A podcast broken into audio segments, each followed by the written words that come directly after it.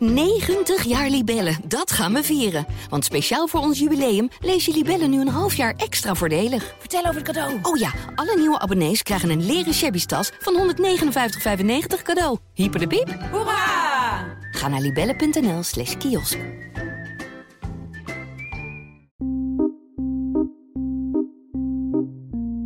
Hallo, welkom bij Koorts, de eerste aflevering van Koorts, eh, de podcast van de Volkskrant, waarin wij ons gaan voorbereiden op de verkiezingen, op de Tweede Kamerverkiezingen hier in Nederland.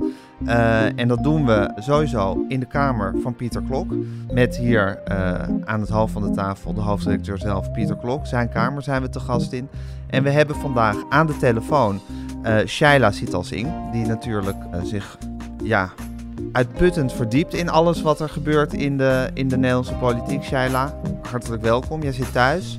Ja, hallo.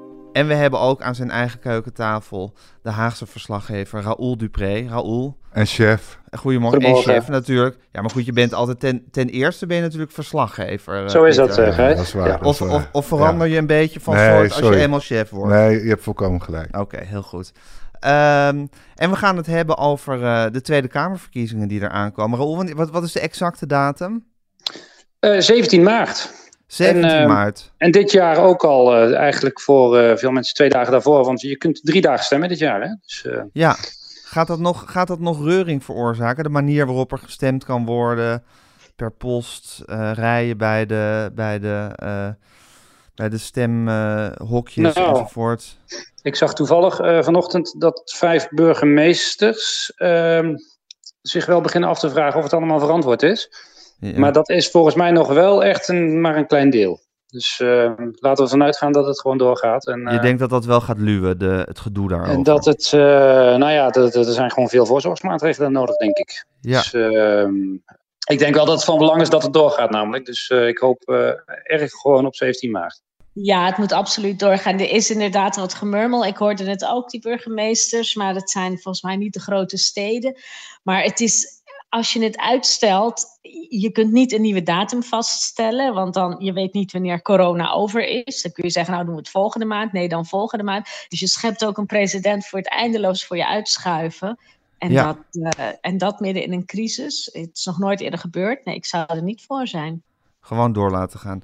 Oké, Ja. dat is meteen interessant, want we gaan het over twee dingen hebben. We gaan het hebben over wie eigenlijk de grote uitdager van Rutte kan worden. Rutte die zo ongelooflijk stevig in het zadel lijkt te zitten. Uh, is er iemand die het hem moeilijk zal kunnen maken? En we gaan het hebben ten eerste over de vraag, zijn die campagnes überhaupt een beetje op gang aan het komen, Pieter? Heb jij nou het idee dat we, in een, dat we al in een heftige campagnetijd zitten? Nee, nog helemaal niet. Ja, vanmorgen hadden we Wopke Hoekstra die zich duidelijk uh, hard maakt voor de uh, zaak van de uh, ho homo's in Nederland. Ja. Wat wel een opvallende move was. Ja, was de LGHBT was ook, moet je zeggen, ja? Ja, het was ook zo'n beetje de eerste campagnebeweging. Ja, verder gebeurt er nog vrij weinig. Het is ook heel moeilijk, want het onderwerp waar iedereen mee bezig is... Uh, corona, daar kun je eigenlijk niet goed campagne opvoeren. Want uh, als je heel hard tegen het kabinet gaat, word je volgens mij daar eerder voor afgestraft. Want de, meeste Nederlanders vinden nog steeds dat we toch maar beter rondom uh, onze leidinggevenden kunnen blijven staan. Ja, en andere onderwerpen is, is het heel moeilijk om daar nu belangstelling uh, voor te wekken. Die hele uh, kinderopvangtoeslagenaffaire, die heeft natuurlijk uh, bij journalisten wel veel reuring teweeg gebracht. Maar, maar bij het electoraat nog heel weinig. Gek genoeg, hè? Ja, omdat ja. Ik, ik denk toch omdat het heel moeilijk is voor mensen als ze zelf gewoon in lockdown zitten om zich daar enorm druk over te maken. Ja, en het is natuurlijk ook zo met die corona, je kan er heel fel tegen te hoop lopen, maar uiteindelijk is er nergens ter wereld, behalve op enkele heel erg ver afgelegen eilanden, wel een, een adequate oplossing voor dit probleem gevonden. Dus het is ook zo moeilijk keihard oppositie voeren daartegen. Ja, ja behalve... één, één partij ja. die het nu wel doet, zag ik. Hè? Ik, ik hoor nu wel de hele tijd de radiospotjes van Thierry Baudet op de radio, die uh, oproept ja. om uh, over te gaan tot de orde van de dag. Denk je dat hij daarmee wortel zal schieten, Raoul? Nou, er is geen enkel uh, teken dat dat, uh, dat dat gaat gebeuren. Dus uh, dat, is een, dat toch een vrij klein deel van het electoraat, denk ik, dat het met hem eens is. Ja, er is van het draagvlakonderzoek gedaan hè, door INO Research. En er is 75% van de mensen is het gewoon eens met de coronamaatregelen. 80% steunt de avondklok. Er is echt brede steun hè, in de samenleving. Nog wel, dat kan natuurlijk afkalven als het te lang gaat duren. Maar er is niet een grote onderstroom in Nederland die er vanaf wil. Mensen scharen zich vrij trouwhartig achter het regeringsbeleid met het idee laat, ze, laat ze maar beslissen wat ze moeten beslissen en we moeten maar doen wat er, wat er van ons gevraagd wordt ja. in deze crisis. Ja, maar is dat niet, uh, Shaila, is dat niet uh, zorgelijk bij een, bij een gezonde democratie hoort toch ook een felle uh, verkiezingscampagne eens in de zoveel jaar? Ja, zeker. Er moet wat te kiezen zijn natuurlijk. En er zijn allerlei thema's naast corona waar, waar best wat te kiezen op valt. Um, uh, nou ja, de, de, de woningmarkt, daar was de krant, uh, heeft de krant gisteren, gisteren nog heel veel aandacht aan besteed. Dat je, het, dat je niet meer aan een normaal betaalbaar huis kan komen um, als je jong bent of als je in een lage inkomensgroep zit. we hebben de tweedeling op de arbeidsmarkt, waar ze al jaren niet uitkomen en waar nu allerlei plannen voor liggen en waar je ook echt wel wat van kan vinden. Er is heel veel waar, waar iets op te kiezen valt. Maar ja, als dat niet uh, als partijen geen gelegenheid krijgen om, om daarover te debatteren met elkaar en om duidelijk te maken aan de kiezer dat dat, dat, dat ook allemaal thema's zijn, ja, dan, dan wordt dat heel lastig. En ze hebben natuurlijk heel weinig platform om zich te manifesteren, want je kan niet naar zaaltjes, je kan niet uh, langs de deuren. Ze mogen uh, s'avonds na negen eigenlijk niet op tv, want dan is er avondklok. Dus het is heel ingewikkeld. Het wordt ze bijna onmogelijk gemaakt. Maar Raoul, kijk, als we elkaar spreken, het is nu uh, vrijdagochtend, uh, 5 februari als ik het goed zeg. Uh, Raoul, maandag is geloof ik het eerste verkiezingsdebat. Ja, althans, het noordelijke verkiezingsdebat. Dat is een, een, ook een mooie traditie van de noordelijke media. Die alle lijsttrekkers uitnodigen. Daar komt in elk geval een deel van de lijsttrekkers voor het eerst debatteren. Dus dat zou je dan kunnen zien als een het officieuze begin van de campagne. Uh, er is ook daar wat uh, van? Vanmiddag is er ook nog een debat van het COC in Amsterdam. Maar dat, ja, dat, dat is beperkt in zijn onderwerp, want dat gaat vooral over de, de onderwerpen die specifiek van belang zijn voor de LHBTI-gemeenschap. Ja, daar zal um, Hoekstra zich wel heel druk gaan roeren. Ja en, daar is bovendien, ja, en daar is bovendien de hele rechterflank van de Tweede Kamer niet met de lijsttrekker vertegenwoordigd. Okay. Um, wat denk ik het debat niet ten goede komt. Nee. Um, dus ik, ik, ik, ben bang dat de meeste sprekers daar het vooral met elkaar eens zullen zijn over de meeste dingen. Hey, en Raoul, ja. denk, denk jij dat er iets zal kunnen gaan ontbranden aanstaande maandag? Nou ja, ik zou bijna zeggen, laten we het hopen. Dat er, uh, um, dat er ergens een thema wordt aangesneden waar we het dan toch gewoon over kunnen hebben. Dat er wat komt om te kiezen. Ik denk dat heel veel kiezers snakken naar naar onderwerpen waar ze nou echt uh, het onderscheid op kunnen gaan maken in hun keuze.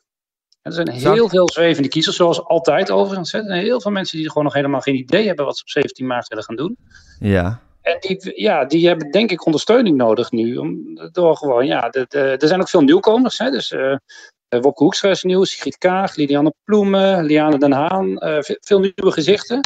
Ik denk dat mensen gewoon willen weten, ja, waar staan die mensen voor? En op de dingen die ik belangrijk vind. Ja, dat snap ik. Tegelijkertijd heeft die hele corona, ik zou maar zeggen, net zoiets als wanneer er een WK voetbal aan de gang is. Tenminste, daar heb ik altijd nogal last van.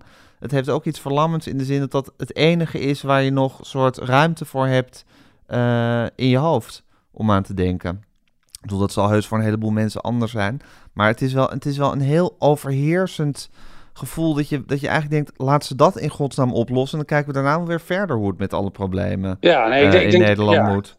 Ik denk dat dat zeker geldt voor de meeste mensen. Aan de andere kant zie je wel dat als er dan iets anders opduikt, zoals bijvoorbeeld laatst uh, die bijstandszaak in de gemeente Weidemeren, dan zie je wel dat iedereen zich daar toch ook heel erg op stort. En een, duidelijke mening over heeft. Ook alle politici, maar ook toch, nou ja, op de sociale media reageren mensen daar ook op. Welke zaak was dat precies? Ja, de, de, de, de, de, de zaak van de, die mevrouw in Weidemeren wiens bijstandsuitkering uh, was stopgezet omdat haar moeder boodschappen Omdat voor haar boodschap gedaan. voor haar had gedaan eens in de week. Uh, bleek, is inmiddels geloof ik allemaal wat genuanceerder dan het aanvankelijk werd gebracht. Maar niettemin zag je daar, daar, daar, daar zag ik een zekere honger van vele mensen in het land om, om het ergens anders over te hebben. Ja, Pieter, je moet toch die krant maken ook, elke Nou, ochtend, en het nieuws verdelen? Ja, die honger heb ik zelf wel hoor, om het ergens anders over te hebben. Dus we proberen daar ook wel. eh, We hadden deze week ook wel een beetje het gevoel, we hebben alles over corona misschien zo onderhand wel gezegd. En vanmorgen weer geconstateerd, denk ik, verhalen waarin we heel ver vooruit kijken, dat we dat eigenlijk niet meer moeten doen. Dus het is qua corona nu even genoeg dat we gewoon melden eh, wat de cijfers zijn en wat de maatregelen zijn. Maar verder even rustig aan. En om Mhm. er juist voor te zorgen dat, andere onder, dat we andere onderwerpen op de agenda kunnen zetten. Ja, ik word altijd heel blij als ik zo'n verhaal over een verkiezingsprogramma van een partij lees. Denk, oh ja, we kunnen het ook nog over duurzaamheid hebben. En er zijn nog heel veel andere interessante en heel urgente onderwerpen waar we eigenlijk een heel goed debat over kunnen voeren. Kijk, over corona kan je eigenlijk geen goed debat voeren, want er is geen goede oplossing. Elke oplossing is verschrikkelijk. Dus je, je kunt nooit samen op iets uitkomen. Dus het is ook heel onbevredigend. Dan heb je besloten om de scholen te openen. Dan denk je alweer, oh ja, maar het is wel zielig voor die leraar. Het blijft, er is altijd een groep die in de verdrukking komt. Ja, Dus het is, de oplossing is er gewoon op dit moment ik nog denk niet. het niet. Nee. Ja, of de Chinese oplossing. Gewoon het land helemaal eh Ja, glad goed. gooien voor drie maanden. En dan... eh, en Als dan- je dat een oplossing wil noemen. Ja, Ja. eh, maar anders, eh, dus is, dus het is eigenlijk geen leuk debat. Dus eh, ik, ik snak wel naar debatten waar je echt samen tot een soort oplossing kan komen. Shaila, merk jij het met het schrijven van je column ook? Dat je, dat je aan de ene kant waarschijnlijk altijd naar die corona toegezogen wordt... en aan de andere kant toch ook gewoon over iets anders wil hebben?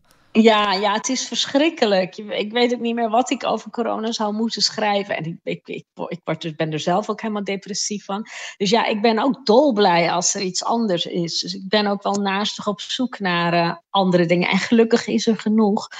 Eh, het, het functioneren van de overheid, eh, eh, klimaatcrisis. Dus er, is, er, er zijn genoeg andere onderwerpen. Dus we moeten die volgens mij ook gewoon nog veel meer gaan agenderen. Dan moeten we maar zorgen dat de verkiezingscampagne bij ons in de krant gevoerd kan worden. Maar corona, ja, daar ben ik echt even helemaal klaar mee. Je zegt het met een heel vrolijk stemmetje van ik ben er depressief van. Maar voel je dat daadwerkelijk zo? Nou ja, ik, ik, ik merk wel als ik dan een keer, eh, eh, weet ik veel, ergens naartoe moet eh, voor een afspraak, dat ik het gevoel heb dat ik naar een soort Lowlands Festival ga of zo. Ga ik me ook helemaal opdoffen, want ik mag eindelijk weer de deur uit. Ja, dit is echt verschrikkelijk wat het psychisch met je doet allemaal. Ja. Raoul, voel jij het een beetje mee dat je denkt van het is ook een beetje aan ons, dus of aan jullie, de journalisten of de krant, om, eh, om de boel een beetje, op, om die verkiezingscampagne eigenlijk ook deels op weg te helpen? Eh, ja, nou ja, ik zou eh, alles willen doen wat ik kan doen. Maar ik moet tegelijkertijd toegeven dat. ehm, kijk, we hebben bijvoorbeeld de eerste vier interviews met ehm, eh, de lijsttrekkers in de afgelopen twee weken in de krant gehad. Mhm. En die gingen in de meeste gevallen grotendeels over andere onderwerpen. Ehm, maar ja, ik kan niet zeggen dat ze al het gesprek van de dag zijn geworden. Dus eh, eh, het is al moeilijk. Ja, want is het, ben je als eh, verslaggever en zeker als chef van de verslaggevers leidend in deze, in wat er besproken wordt, of ben je volgend in wat er besproken wordt? Nou, het nieuws is leidend, denk ik. En daar stuur je wel op bij. Dat sowieso, maar juist in Ja. verkiezingstijd is natuurlijk, wordt het nieuws ook gewoon heel sterk gemaakt. Het is niet zozeer wat er aan de hand is, als wel ook ineens wat er oppopt als heet onderwerp. Nee, zeker. Ja, nee, zeker ja. En, en, eh, maar dat is dus het verschil met andere eh, verkiezingscampagnes. Eh, normaal gesproken ben je enorm aan het kiezen en, en aan het selecteren en leg je een heleboel dingen weg. Omdat je denkt, ja, dit is gewoon verkiezingsretoriek. daar hebben de mensen niks aan. En ik zou bijna zeggen, in andere jaren kon ik me daar wel eens aan ergeren. En nu zou ik zeggen, laat maar komen, jongens. Ja, wat verwacht jij dat als, als ze maandag dan eindelijk met elkaar direct eh, in debat gaan, eh, daar in het noorden van Nederland? Eh, hoe verwacht je dat de, de stemming en de verhoudingen een beetje zullen zijn eh, in het gezelschap? Nou, ehm, als de voortekenen niet bedriegen, dan is het eh, met z'n allen tegen de VVD. Dat, Welke, eh, welke, is- voorte- welke voortekenen zijn dat, geweest? Nou, dat eh, zijn de- met name de voortekenen van de Tweede Kamerdebatten van de afgelopen weken en maanden. Die eigenlijk ook al wel zijn eh, voor de meeste partijen een soort verkiezingsdebatten zijn geworden. En daarin zie je een steeds grotere aandrang om vooral eh, de minister-president erbij te betrekken. Ehm, Hugo de Jonge heeft wat dat betreft zijn aantrekkingskracht een beetje verloren sinds hij geen CDA-lijsttrekker meer is. Ja, en Mark- hij toch ook steeds meer onder vuur komt te liggen als, eh, als minister van Volksgezondheid. Ja, maar dat is toch anders, dat is dan toch zakelijker, die kritiek, dan die was toen eh, Hugo de Jonge nog lijsttrekker was. Ja, precies. Hij wordt gewoon op een andere manier benaderd. Ja, ik wil, er is natuurlijk gewoon heel veel kritiek mogelijk op het, op het beleid. En die kritiek Mhm. komt ook allemaal. Eh, maar echt in elk debat zijn er een heleboel partijen die hun uiterste best doen om zo snel mogelijk de minister-president erbij te betrekken. En ja, ja, dat is ook volstrekt logisch, want die is de te kloppen man. Ja, Dus, ehm, eh, en ik, ja, ik denk, kijk, het zal in Groningen eh, maandag voor een eh, groot gedeelte gaan, bijvoorbeeld over de afwikkeling van de schade van de aardbevingen. Zeker. En dat is eigenlijk net zo'n verdrietig dossier als de kinderopvangtoeslagaffaire. Heel vergelijkbaar eigenlijk, hè? Ja, ja voor heel veel mensen, heel veel mensen hebben daar natuurlijk vergelijkbare problemen. En voelen zich ook enorm in de steek gelaten door de overheid. En uh, ja, ik denk dat in elk geval alle oppositiepartijen hun uiterste best zullen doen om dat in de schuld van de minister-president te schuiven. Die er overigens volgens mij zelf niet bij is, maar de VVD, de VVD is daar wel vertegenwoordigd. Dus je zult het wel, uh, je, zult, je zult het wel zien, denk ik. Ja. Toch ook gek dat hij daar niet bij is, hè? Ik, uh, want hij gaat dan zeggen, ja, ik kan niet komen, want ik moet de coronacrisis bestrijden. waarmee je dus eigenlijk al zo'n debat hebt gewonnen. Want daarmee ben je dus uh, heb je eigenlijk wel iets belangrijkers om handen, namelijk het land redden. Dus het is een ontzettend valse streek om daar niet te gaan. Ja, maar dus ook ontzettend slim. Uh, je Heel zegt slim. Bij, dan heb je het bij voorbaat al gewonnen. Dat lijkt me de ideale joker dan om uit te spelen. Ja, absoluut. Ja, maar eigenlijk vals en eigenlijk ook niet helemaal eerlijk in het spel, vind jij, uh, Shaila? Uh, nee, want er staan er dus allemaal lijsttrekkers en die moeten dan met, ja, wie stuurt hij dan? Raoul, de nummer twee? Ja, hou me even ten goede wie daar nu is. Uh, daar, wordt volgens mij, daar werd ook nog over onderhandeld, volgens mij. Ah, Ze, gisteren, ja. gisteren was zelfs nog niet helemaal duidelijk wie er nou bij het COC gaat optreden, vandaag namens de VVD. Um, maar uh, ja, in elk geval wat je net zegt over Rutte, ik denk dat we dan nog heel veel gaan zien de komende weken. Dat uh, Rutte gaat zeggen, sorry, geen tijd. Ik ben belangrijkere dingen aan het doen, want die heeft er alle belang bij om uh, zich te blijven opstellen als de crisismanager in coronatijd. Shaila, jij hebt je intensief in Mark Rutte verdiept. Is dit des Ruttes om uh, zijn been gewoon in te trekken als het hem uitkomt? Nou ja, het is in elk geval wel heel erg slim. Het is strategisch ontzettend slim. Want dan laat je die lijsttrekkers dus met, met, met een nummer twee of drie, of in elk geval een, een mindere god debatteren. Uh, waardoor ze toch een beetje, ja, toch een beetje tweederangs debatten worden. En ze Rutte zelf niet in het nauw kunnen drijven. En Rutte zo lang mogelijk uh, die, die die bonus van crisismanager, die hem inmiddels, wat is het, 43 zetels in de peilingen, 42, 41 afhankelijk van de peiling opleveren. Dus het is, het is natuurlijk wel het allerslimste wat je kan doen. Maar het is ook, het is ook wel een beetje, um, ja, hoe zeg je dat? Ja, niet, niet helemaal netjes campagne voeren of niet helemaal Nee. eerlijk campagne voeren. En Nou, hij zal is- zelf natuurlijk gooien op, nee, ik zou dolgraag die debatten willen voeren. Maar ja, het Geen kan tijd. Nee, te druk. Te druk met hele belangrijke zaken. Maar Ja. Pieter, het, is, het, is, het is een beetje eh, je gedragen alsof je de koning bent, hè, zou ik maar zeggen. Alsof je, alsof je niet met, met dat gepeupel hoeft bezig te houden met mensen die aan het bekvechten zijn over wat Maar dan ook. dat is hij ook een beetje geworden natuurlijk. Hij zit er al tien jaar. Hij zit heel stevig in het zadel. Meestal na tien jaar eh, vertonen mensen toch wat slijtage. Komen de maar er is bij hem niks eh, van te merken. En, en hij lijkt ook weer bereid om, om, om meteen mee te bewegen met, met de nieuwe wind in het land. Hè. Hij heeft al geroepen dat we een socialistisch land zijn in wezen. Dus daar is hij ook heel slim in. En, en misschien niet eens bewust. Misschien is hij wel gewoon zo. Van, oh, nou, nou wil iedereen weer naar links. En vinden ze eigenlijk niet goed wat ik de afgelopen tien jaar heb gedaan. Dan ga ik toch Doen weer wat anders andere. doen. Ja, Uh, dus daar, dat maakt hem ook ongrijpbaar. En, en uh, ja, het, het moeilijke bij die man is ook... Ja, ik vind het een heel aardige man.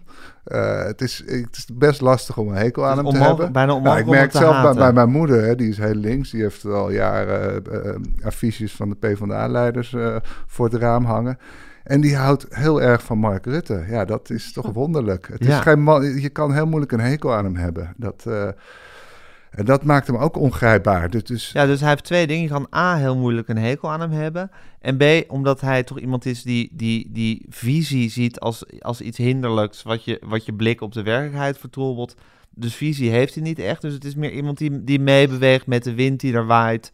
En Ja. eh, zegt wat er op dat moment uh, Ja, daarin heeft in hij ook iets, is. iets koninklijks. Dat Ja. je gewoon, je pas je gewoon aan aan, aan, aan, aan wat aan in de, het land de gaande is. volkswil. Ja, Ja, eh, dus ja, maar dat maakt hem wel heel moeilijk aan te pakken, denk ik. Voor Ja. de rest. Raoul, zie jij iemand, eh, als we dan toch bij een beetje naar het tweede onderwerp gaan bewegen, wie kan, eh, de, de campagne is nog niet echt op gang, we zullen gaan kijken of hij gaat ontbranden als die debatten eenmaal beginnen, maar wie kan eh, Rutte het vuur na aan de schenen gaan leggen, Raoul? Ja, kijk, ze hopen het bijna allemaal. Uh, Uiteraard, daarvoor zitten ze er. Zowel Sigrid Kaag als Jesse Klaver, als Lilianne Ploemen, als Wopke Hoekstra. Uh, zelfs Thierry Baudet hebben allemaal gezegd dat ze minister-president willen worden. Mhm. Ehm, ja, puur als je nu kijkt naar ehm, de, de verkiezingsonderzoeken, heeft Wopke Hoekstra de beste papieren. Als je Geert Wilders even niet meerekent, omdat, het, uh, omdat er te weinig mensen met hem zullen samenwerken. Um, uh, maar ook Wopke Hoekstra is nog niet overtuigend hoor, moet ik daar wel meteen bij zeggen. Nee. Dus dan moet er nog wel veel gebeuren. Ik denk dat ja, of, of dat nog gebeurt, hangt dus in hoge mate af van de debatten. Ja, toch kan er natuurlijk altijd iets wonderlijks gebeuren. Laten we heel even naar wat uh, fragmenten luisteren uit het verleden. Dat er in zo'n campagne of in die debatten ineens iets gebeurt. Een zin, een tagline is of een bepaalde beschuldiging met zoveel intensiteit geuit wordt. Uh, dat ineens uh, de, de verhoudingen kunnen draaien. We luisteren even naar fragmenten van uh, Melkert in debat met Fortuyn, Rutte in debat met Samson. Het zijn allemaal hele spannende verkiezingscampagnes geweest. En Balkenende en Wouter Bos. De vraag is of het debat met de heer Fortuyn bevallen is. Want u, u heeft er een paar keer om gevraagd. Ik heb er één keer om gevraagd. Ik heb toen nee gekregen. En ik zou het debat dus graag voortzetten. Ik heb een nee gekregen volgens nog. Maar zeg dan nu ja. Maar zeg dan nu ja. Dan maken we een afspraak. Heb ik toen ook al gezegd. Dan maken we een afspraak. Bevallen? Het hoort erbij. Nou, dat klinkt niet erg enthousiast, meneer Melken. dat belooft nog wat te worden. U gaat een toptarief invoeren van 60% U gaat allerlei maatregelen nemen. En waarom doet u dat, meneer Samson? Om een heel klein beetje koopkrachtreparatie aan te brengen. En ik zou zeggen, koopkracht is belangrijk. Maar veel belangrijker is dat Claudia Janssen meneer baan krijgt. Nou doet u het weer. Nou doet u het weer. In de eerste plaats draait u met uw standpunt over het ontslagrecht. En in de tweede plaats bent u niet Maar wie draait hier nou? In nee, de verkiezingsprogramma staat niks. Eerlijk, meneer Bos. In de stemwijzer staat wat niet klopt. En u bent niet eerlijk. Shaila, uh, ja. dat, dat, dat is toch de wonderlijke dynamiek van debatten. Hè? Dat, er gewoon, dat er gewoon ineens dingen kunnen gebeuren waardoor iemand onder vuur komt te liggen. Een bijna onde, onde, ondefinieerbaar krachtenveld wat er dan gaat spelen. Ja, ja dat is dat, dat er dan plotseling zo'n zo'n zo'n evenementje is. Een, een, moment waarvan je denkt, ja, dit is het moment van een campagne. Maar ja, dan moet Rutte dus wel komen opdagen bij die debatten. Als hij steeds ja. zijn, uh, zijn nummer twee speelt, kan je dus ook niet zo'n moment hebben. Dus ja. in die zin is het ook heel slim. Um, en de vraag is of het Hoekstra gaat lukken. Tenminste, ik vraag, het me, uh, ik vraag me dat wel af. Want deze momenten, dat waren wel allemaal tussen uh, premierskandidaten of, of, uh, of ja. die um, nou ja, elkaars, echt elkaars opponent waren. Terwijl Hoekstra en Rutte, CDA-kiezers vinden, vinden Rutte ook wel leuk. Die hebben niet per se een hekel aan hem. Uh, je, je krijgt niet, denk ik, zo'n moment wat je hebt gehad in de strijd tegen Diederik Samson. Dat mensen die normaal niet op Samson stemmen, toch maar op Samson gingen stemmen. Omdat ze dachten, nou, hij kan Rutte uit het torentje krijgen. Ja, Zo'n zo, zo verschil zit er, denk ik, niet tussen die CDA en VVD-kiezers. Dat zit toch dichter bij elkaar. En het zou ook raar zijn, ongeloofwaardig zijn, als Hoekstra, die al, uh, wat is het, een jaar of vier uh, keurig samenwerkt met Rutte, nooit een onvertogen woord heeft laten vallen een plotseling gaat aanvallen op allerlei vermeende karakterzwaktes. Dus ik, ik moest het nog maar zien wat dat moment dan gaat worden. Ja. Ik vind ook dat er bij zowel de VVD als het CDA een innige tevredenheid, dat ze allebei een innige tevredenheid uitstralen over de coalitie die ze gevormd hebben. Voor D66 ja. is het nog het moeilijkst, denk ik. Ja. Maar die, die twee grote partijen zijn toch eigenlijk, uh, ja, je hebt niet het idee dat het nou echt heel erg wringt en schuurt uh, op dit moment. Ja, dus het zou, uh, dus moet iets heel geks gebeuren, wil, wil daar echt een soort tweestrijd ja. ontstaan, waarbij je ook in, onder de kiezers echt twee kampen krijgt. Van, oh, ik ben voor Hoekstra, nee, ik ben voor Rutte. Ja. Ik, ik weet het niet, ik zie dat niet gebeuren. Ik weet niet of Raoul daar anders naar kijkt, maar ik denk, uh, nee. Hoe voel jij dat, Raoul? Anders. Nou, ja, we, we, uh, Shaila heeft volkomen gelijk, maar wat ook nog meespeelt, is dat ze ook al zien aankomen dat ze na 17 maart weer gewoon samen verder zullen moeten. Um, omdat ja, dat dient zich eigenlijk ook nog geen alternatief aan uh, voor een Kamermeerderheid waar CDA en VVD geen deel van uitmaken. Dus nee, als ze herstel dat, dat uh, Wopke Hoekstra zetels weet weg te snoepen bij de VVD, wat misschien best mogelijk zou zijn nog, maar dan zit hij na 17 maart gewoon weer met Mark Rutte aan tafel. Ja. Um, en dat, ja, dat zit natuurlijk ook in de achterhoofden, denk ik. En laten we elkaar een beetje heel laten, zodat we nog door kunnen. Een verkiezingscampagne kan ook veel beschadigen. Zoals bijvoorbeeld uh, tussen Wouter Bos en Balkenende, uh, Jan-Peter Balkenende gebeurde. Ja. Uh, ja, die, die, die, ja, die kregen echt een hekel aan elkaar. en dat heeft uiteindelijk in het kabinet Balkenende vier een hele regeringsperiode doorgewerkt. En dat wil ook niemand. om- omdat die scherven eigenlijk gewoon niet meer gelijmd zijn eh, toen. Of niet meer te lijmen waren eigenlijk. Van die, Nee, eh, nee, nee. die, nee. die Dus een, campagne te, gemaakt nee, een, een te harde verkiezingscampagne, te hard op de man gericht, kan ook veel schade aanrichten waar je later misschien wel weer spijt van krijgt. Ehm, dus eh, ja, dat is ook voor het CDA denk ik een lastige afweging. Wat interessant is, daar is denk ik wel de rol van Pieter Omtzigt als nummer twee daar. Die toch wel die, eh, die kaart nu heel nadrukkelijk speelt. Eh, over Mark Rutte als verantwoordelijk voor alles wat er in de afgelopen jaren is fout gegaan in de bestuurscultuur in Nederland. Ja. Ehm, Pieter Omtzigt doet het noordelijke lijsttrekkersdebat maandag eh, namens het CDA. En ik durf te zeggen dat dat daar zijn, zijn houding zal zijn. Want En dat- is, is, dat, Ja, eh, een is dat een gevaar voor het CDA? Of is, dat een, eh, is, dat, is hij de joker voor het CDA? nou, dat is ik, een troefkaart, laat ik het zo zeggen. Ik heb sterk de indruk dat eh, de, voor zover ehm, eh, Pieter Omtzigt zich laat sturen door een campagneteam, want ik ben er ook van overtuigd dat het zijn oprechte overtuiging is. Hij is een soort eenmansfractie hè, binnen het CDA. Tenminste, zo voelt hij voor mij. Ja, ja en, zijn, en zijn verontwaardiging over ehm, hoe de overheid functioneert en hoe het kabinet omgaat met informatie is oprecht. Maar ik denk dat het voor het PDA niet slecht uitkomt dat ze omzicht hebben die eh, daarop blijft hameren. En tegelijkertijd een alternatief in de coulissen hebben staan met Wopke Hoekstra. Die misschien voor veel kiezers, die dan toch denken, ja Rutte, ja dat is toch wel lastig misschien na tien jaar. Maar ja, we hebben Wopke Hoekstra nog. Dus dat Ja, is, dus voor, het eigenlijk, voor, voor, voor het CDA is dat het droomscenario natuurlijk. eigenlijk, Pieter, heeft het CDA inderdaad van, die kan van twee walletjes eten wat dat betreft. Ja, dat zou heel goed kunnen werken. Eh, en ik denk dat Wop Koekse de enige troef die hij zelf heeft, is dat hij eh, misschien wat frisser oogt dan Rutte. Als Rutte tijdens debatten wat vermoeid gaat overkomen en stiltes laat vallen en zijn woordvoerder om hulp gaat roepen, wat we vier jaar geleden natuurlijk ook Ja. al hebben gezien.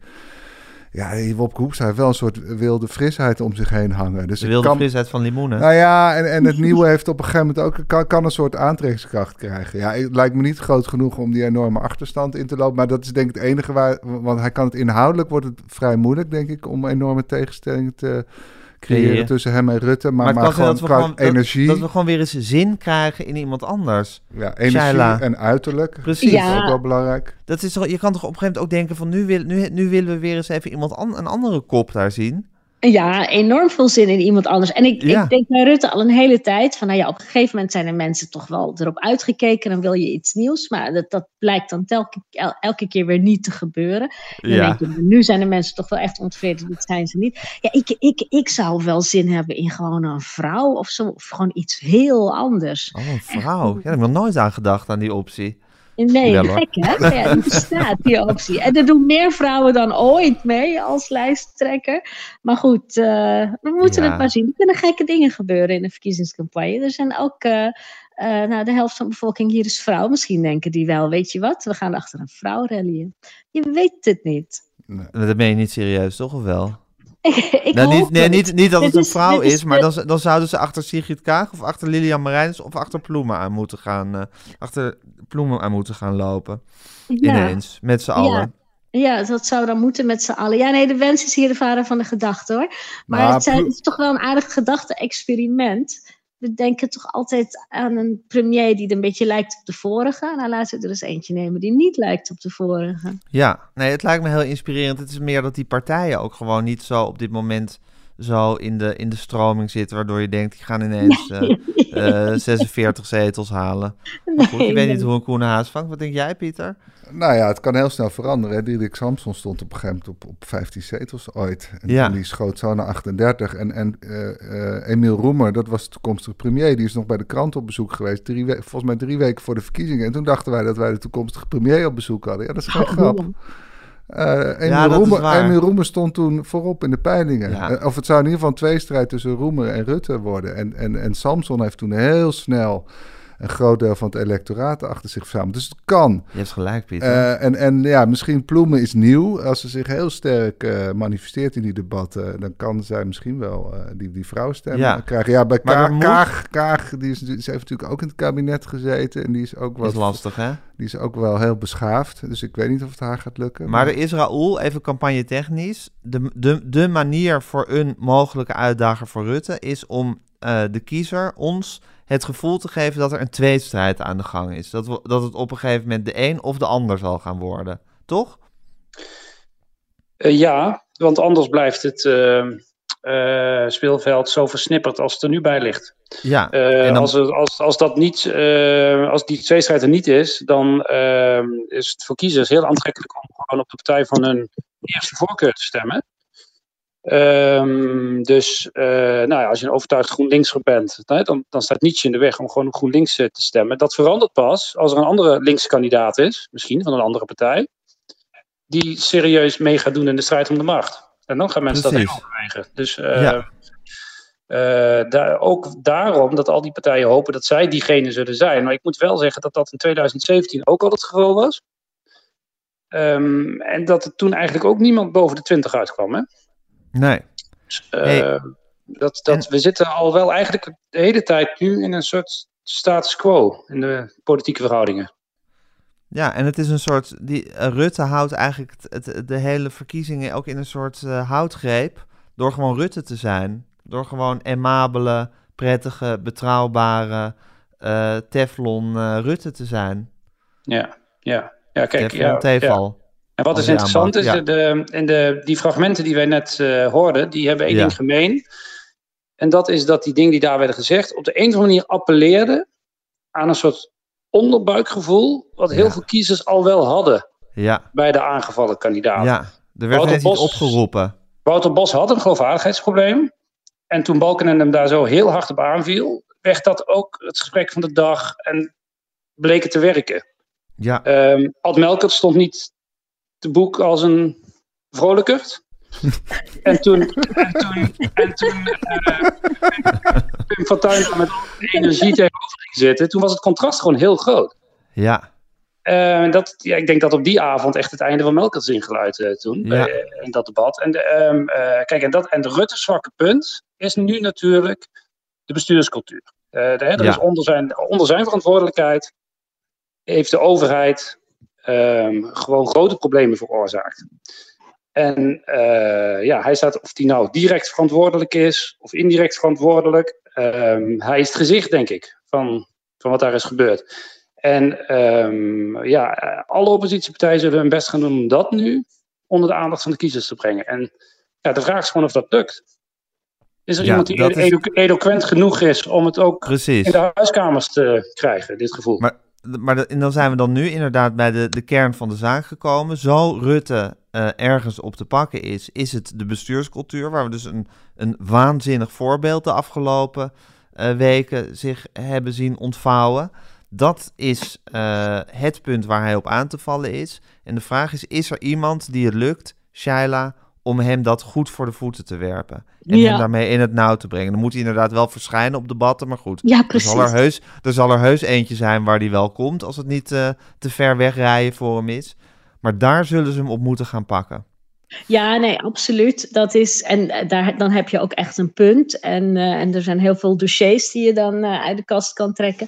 En het is tot dusver Pieter Omtzigt die dit geluid um, uh, vertolkt. En dat ja. ook, daarmee ook grote populariteit in de huiskamers mee heeft, uh, uh, mee heeft verworven. Pieter Omtzigt is met name heel erg populair op de rechterflank. Wat, wat interessant is, want dat zijn uh, VVD-kiezers, maar ook Forum-kiezers en, en PVV-kiezers. Ja, maar hij um, daagt de macht uit, hè? En daar houden ze van daar. Ja, precies. Ja. En, en, ja. en nou, Pieter Omtzigt kan het goed onder woorden brengen. Het is ook het dossier van de SP, van de Socialistische Partij. Zij zijn ooit begonnen hè, met die toeslagaffaire op de agenda mm-hmm. zetten. Met uh, nog Tjitske Siderius, Kamerlid uit de vorige uh, periode, die ermee is begonnen. Renske Leijten, die uh, nou ja, dat, dat heel vocaal nu ook doet. En uh, het, het lukt de SP niet, want je ziet in de peilingen dat het dat blijft een beetje rond die tien zetels. Dus kennelijk is het op de een of andere manier geloofwaardiger als het van omzicht komt dan als het van, van, van een SP'er komt. Dus ja. misschien wordt omzicht wel de grote uitdaging. Dan krijg je heel een, een rare, een rare dynamiek. In die een rare tourneur zou dat zijn. Ja. hey, en Shaila, die goede oude Geert Wilders. Ja. Wat, wat ja, het begint natuurlijk ook inmiddels een soort van, oh ja die komt ook nog eventjes uitrazen. En nog ja. even zijn, zijn 15 zetels binnenhalen. Nou, die staat veel in of, de peilingen. Hoeveel staat hij nu? Nou, boven de 20 ehm, in de peilingen, consequent. En dat is eigenlijk sinds het uh, uiteenspatten van Forum voor Democratie, want Forum stond hoog in de peilingen, althans veel hoger dan het, uh, dan het nu zetels heeft. En die zijn al, dat is een beetje leeggelopen na die, uh, al die gekke toestanden rond Podet. Dus er zijn weer wat, je, je, ziet, je ziet de PVV is ook alweer een beetje gegroeid. Het is echt het is gewoon de tweede partij. Hè? En uh, uh, echt wel vet boven het CDA in de peilingen. Dus, dus Wilders uh, die harkt zo kalmpjes zijn zetels wel binnen. En die doet dat ook wel door die coronadebatten ook consequent heel goed uit te nutten. Het is altijd, Wilders pakt daar altijd zijn moment. En, en die gaat dan, nou ja, die, die pakt dan zo'n avondklok als iets waar hij echt tegen kan zijn. Dus, dus Wilders gebruikt ook nu zijn podium in de Tweede Kamer. Er kijken ongelooflijk veel mensen naar die debatten. Iedereen zit thuis, mensen hebben niets te doen, iedereen is depressief. Dus er zitten veel meer mensen Projectie, dan Shaila, ja. ja. Er zitten veel meer mensen dan normaal gesproken al die debatten te kijken. En Wilders die gebruikt dat podium echt heel goed. Die smeert en die scheldt. En ja, die, hij doet gewoon zijn Wilders ding. One-liners, ja. Ja, en Pieter, denk jij, is er nog iets in jou wat denkt dat misschien die tweestrijd waar we het net over hebben, dat dat Rutte-Wilders zou kunnen worden?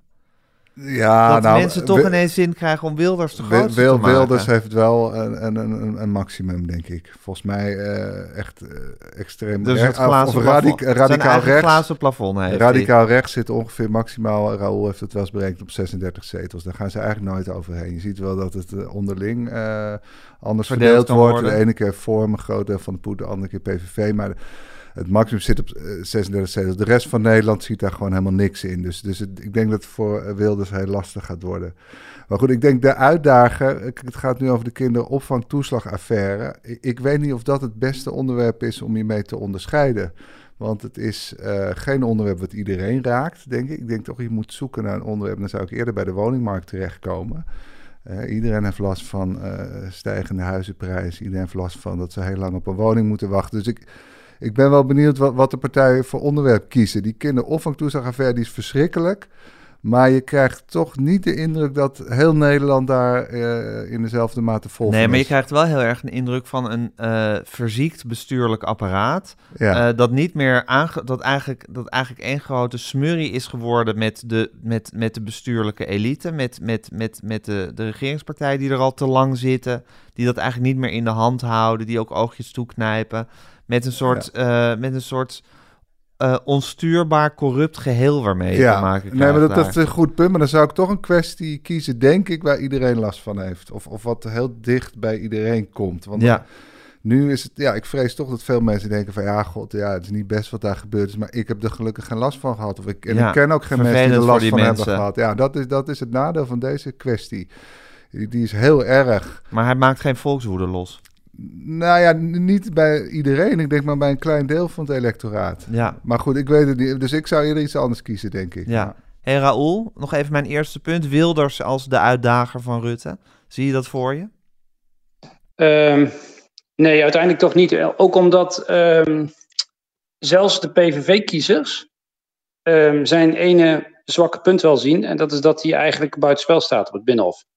Um, en er is een deel van de PVV-achterband dat dat ook echt niet belangrijk vindt. Die uh, willen gewoon op hem stemmen omdat ze het met hem eens zijn en dat signaal willen afgeven. Maar er zitten toch ook altijd uh, kiezers die op het laatste moment denken: ja, maar ja, gooi ik mijn stem niet weg. Als ik het zo ga doen. En dat is toch een risico dat hem bedreigt. Als het echt om de strijd om de macht gaat, verliest hij het daarop, denk ik. Dus ja, um, ja, en, dat, en overigens, dat zal je ook zien, dat, hij, dat Rutte ook die kaart weer zal gaan spelen tot vervelens toe uh, uh, inmiddels. Maar elke keer als Wilders echt een bedreiging wordt, gaat de VVD benadrukken dat met Wilders niet te regeren valt. Ja. Dus en dat, is, en, en dat, is weg, weggelopen in het katshuis in 2012. Dat, ik denk elke keer, jongens, het is nu wel heel erg lang geleden, maar ehm, ze ja. doet het nog steeds enthousiast. Ben ja, ik in de overtuiging dat het werkt. Dat is een hele gelukkige episode voor ze geweest, hè? dat dat toen allemaal zo ontploft is. Ja, het katshuis heeft uh, bijzonder goed uitgepakt. voor, uh, wat dat betreft voor de VVD in elk geval. Ja, voor de zittende macht. Ja, ja. dus wat dat betreft, dat blijft altijd een, een, een, een, een lastig punt voor, uh, voor Wilders. Dat hij, dat hij een mislukking op zijn naam heeft wat dat betreft. En dat je gewoon voelt dat dat, uiteindelijk, dat dat uiteindelijk nooit een degelijke regeringspartij gaat worden. Ja, kijk, en veel van, van de kiezers die nu weer bij hem zitten, die zijn ook. Uh, vorig jaar waren die opeens weg, want die waren ze naar Forum voor Democratie toe. Uh, ook in de veronderstelling, denk ik, dat Forum voor Democratie misschien zich wat serieuzer zou gaan presenteren op het Binnenhof. Ja. Als, uh, als, als, als zijnde uh, een factor van belang die, die mee wilde praten. En dat, dat, nou ja, die, die, die illusie die, uh, die hadden wij eerlijk gezegd toen ook nog wel. Zeker. Ja, daar is nu echt heel weinig meer van over, eerlijk gezegd. Dus, een hele, hele biografie over Thierry Baudet zijn er geschreven met dat in, in gedachten. Ja, ja, ja, ja, ja. en je ziet ook, dat, en dat nu proberen dus Joost Eerdmans en Anneman Nanninga proberen in dat gat te springen. Met ja 21. Ja, maar dat, ja, nou ja, dat, dat, zie je ook nog niet exponentieel groeien op dit moment. Dus uh, uh, moeten we ook nog maar even afwachten. Hey, en om het rijtje nog even af te maken, Shaila, of we maken het niet helemaal af, maar nog eentje, want bij de vorige verkiezingen is Jesse Klaver natuurlijk als een soort komeet uh, opgekomen. Ja, zou je kunnen zeggen. Die heeft die hele partij toch uit, uit, uit de marge naar toch een heel redelijk zetelaantal, uh, of betrekkelijke marge, naar een heel uh, redelijk zetelaantal geholpen. En het was helemaal Jesse voor en Jesse na en alles. Um, heeft hij nog iets van zijn glow uit die tijd overgehouden? Dat, het lijkt ook een beetje op te zijn. Hè? Het, GroenLinks lijkt ook een beetje aan zijn plafond te zitten. Het is sowieso op, op, op links, die partijen lijken toch te veel op elkaar. En, uh, en, en je krijgt elke keer weer, als verkiezingen naderen, dat uh, gezeur over moeten dan niet toch bij elkaar. Nee, toch maar niet. Ja, ja toch wel een beetje. Nou ja, maar ja. dan wel samen in een coalitie. Ja. Dan gaan ze weer koffie met elkaar drinken om over de restzetels te praten. Ja, en dan hebben ze weer uh, wel, wel lijstverbindingen op lokaal niveau. Ja, en, goed, het, is, het, het, wil nooit echt wat worden daar. Nee, nee maar, die, maar, die, maar die, die waanzinnige aantrekkingskracht die Jesse Klaver bij de vorige verkiezingen had... Ja, misschien krijgt hij, krijgt hij hem ineens weer terug, maar het is nog een beetje zoeken, hè? Nou ja, dat was toen ook wel. Dan hadden ze van die evenementen, toch? Dat die dan. Mm. Uh, de Heineken Music Hall. Ergens binnenkwam en stonden er allemaal fris gewassen jongens en meisjes te juichen. Ja, dat kan nu natuurlijk allemaal ook niet. Het moet allemaal nu online. GroenLinks had een hele uitgekiende grondcampagne met een, een doorknock-app. Dus een, een app waarin je kon aangeven op welke deuren je allemaal had geklopt en hoe de mensen hadden gereageerd. Dat is helemaal uitgekiend. Maar ja, je mag nu niet meer op doors knokken. Dus ik weet niet hoe ze dat gaan doen. Dat moet allemaal nee. online. Ja, ik zie wel TikTok-filmpjes langskomen van GroenLinks. Het is, ik weet het okay, niet. Misschien dat daar nog wat, uh, wat terreinbraak ligt voor ze.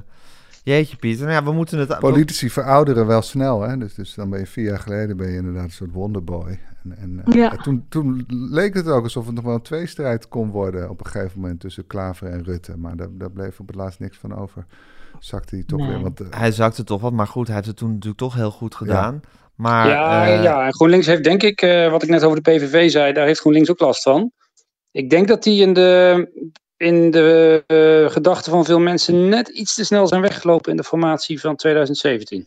Ja, ja. maar na natuurlijk niet zo, ze hebben het niet zo bond gemaakt als de PVV. En uiteindelijk nee. is, het natuurlijk, is het natuurlijk toch een partij die niet op voorhand wordt uitgesloten door alle, door alle andere nee, partijen. Nee, dat niet. Maar ik ben ook uh, na die formatie op uh, bijeenkomsten geweest van GroenLinks. En toen waren daar gewoon ook dus hè, bij de, bij, bij de trouwste uh, leden, waren daar gewoon heel veel vragen over. Ja. Van, ja, zijn we nou niet vanwege een principe, hebben we voor vier jaar de macht uit handen gegeven. Ja. Uh, ja, en het, het, speelt toch. Kijk, ik denk dat de Nederlandse kiezers heel goed weten dat Nederland nou eenmaal bestuurd moet worden door vier of misschien wel vijf partijen. En dat er water bij de wijn moet. En dat uh, uiteindelijk kun je met je stem uh, misschien een klein beetje bijbuigen. Doordat je mag hopen dat jouw partij in elk geval aan de onderhandelingstafel gaat ja. zitten. Ja. Um, ja, en partijen die daar die niet hebben laten zien dat ze dat um, uh, serieus willen doen, ja, die hebben daar last van in Nederland. Ja, ja. wat is het toch een ongelooflijk vergaderend polderlandje wat we zijn. en tot in, tot in onze vezels. Het is allemaal zo, uh, het moet allemaal zo met overleg zijn. Nou goed, dit is een beetje het veld wat er ligt. Uh, waar we het mee moeten doen de komende weken. Ik ben toch wel heel nieuwsgierig of het ineens, of het ineens toch gaat schudden en beven de grond.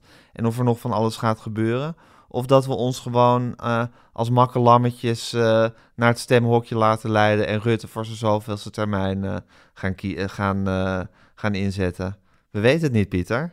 Nee, ja, ik vrees dat Rutte wel echt onversluitbaar is. Die, ja, nou, misschien moet je daar wel heel blij om zijn. Een soort Duracell-konijntje. Uh, ja. ja. die altijd maar door blijft Nou ja, één opmerking is me eigenlijk heel lang bijgebleven. Dat was wat Klaas Dijkhoff zei op een gegeven moment in een interview met ons. Dat, dat er, uh, had hij een, was hij beland in een of andere affaire. En toen zei Rutte één ding, maar het mag niet onder je huid komen. Je laat dit toch niet onder je huid uh, zitten. Ja.